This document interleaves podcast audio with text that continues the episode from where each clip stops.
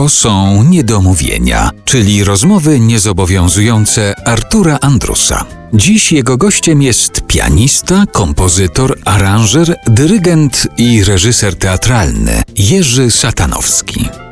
A jeszcze chciałem zapytać, nawiązując do tych początków edukacji muzycznej, powiedziałeś, że to w Twoim przypadku było skomplikowane i momentami niechętne, łącznie z tym, że ze smyczka zrobiłeś sobie łuk, ale czy był taki moment, że pomyślałeś sobie, o, chciałbym coś zagrać, chciałbym się nauczyć jakiegoś utworu i zagrać? Tak, oczywiście.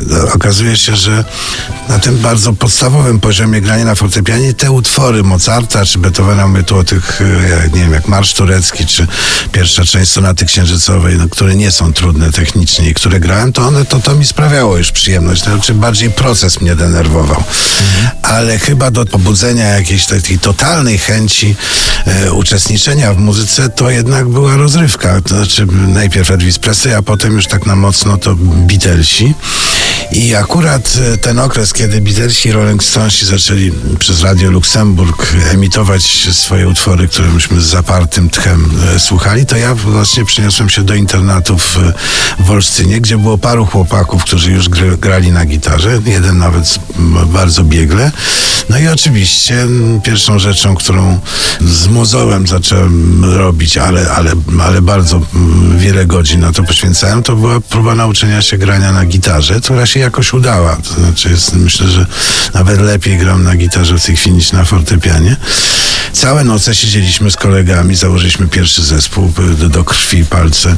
Zdzieraliśmy na, na niezbyt dobrych strunach i na niezbyt dobrym sprzęcie, no ale wtedy to już się zrobiło jakąś pasją. I potem poprzez te piosenki niejako w swoich gustach wróciłem znowu do klasyki. To znaczy, kiedy już y, trochę sobie pośpiewałem i pograłem na gitarze, to nagle zacząłem odkrywać całe piękno klasycznej muzyki y, i ogromnie dużo wtedy słuchałem od Bacha do jakiejś awangardy muzycznej. Wtedy też już powolutku zacząłem robić swoje teatralne rzeczy i, i zacząłem w ogóle jakby edukację od nowa, no bo ja jestem amatorem w tym sensie, że jakby ciągle trochę jako amator podchodzę do pisania muzyki, piszę dla innych, dodaję tę muzykę do innych bytów i tak dalej, i tak dalej, ale wyraźnie czuję, kiedy coś jest moje, a kiedy coś jest nie moje. Zawodowiec to jest taki, który z chęcią zrobi też nie moje, mhm. a ja w, w, tym, w, tym, najczęściej odmawiam wtedy i chcę, i chcę robić to, co czuję, czyli jestem trochę grafomanem albo, albo amatorem. Natomiast y, pracując prawie 50 lat w muzyce, no już jeżeli ktoś mnie zmusi do napisania nawet jakiegoś kawałka, który stylistycznie mi odpowiada, to ja to y, chyba zrobię.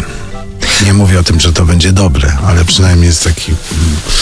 A, a propos tego zmuszania albo zachęcania do tworzenia nie mojego, to kojarzysz jakieś takie najdziwniejsze zamówienia kompozytorskie, jakie do ciebie trafiły? Nie wiem, zaproponowano ci, żebyś hejnał jakiś skomponował kiedyś, albo to może nie jest jakieś dziwne bardzo, ale To nie jest jakieś dziwne. No, w jakiś wiele lat temu sygnał programu polskiej telewizji był napisany przeze mnie. Pierwszy chyba dżingiel do reklamy był, był też napisany przeze mnie. No to trudno powiedzieć, żeby to było jakieś strasznie moje, no ale na szczęście trwało kilka sekund. Trudno się było zorientować, moje czy nie moje, choć akurat w tym sygnale wszyscy rozpoznawali jednak, że to jest mój. No, no najprościej na samym początku swojej drogi na przykład kilkakrotnie odmówiłem robienia komedii, bo uważałem, że bardziej się specjalizuję, już mówiąc w takim dużym skrócie, z pisaniem smutnej niż wesołej muzyki, że to mi nie wyjdzie. E, dzisiaj pewnie jest trochę odwrotnie.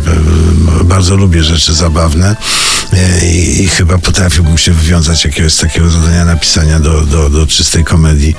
E, więc to się też zmienia. Do ostatniego etapu, jakim jest tworzenie przedstawienia, a szczególnie filmu, kompozytor wchodzi tam jako ostatni kompozytor i człowiek od dźwięków natury, no to wtedy oczywiście, kiedy czuję, że ten film opowiada taki świat, jak, jak ja go widzę, to wtedy pisze mi się straszliwie łatwo i to jest taki okres jakby przyjemności kompozytorskiej. Natomiast tam, gdzie jakoś nie, nie do końca wierzę w to, a już muszę zrobić, bo jednak podpisałem umowę, pisze mi się bardzo ciężko.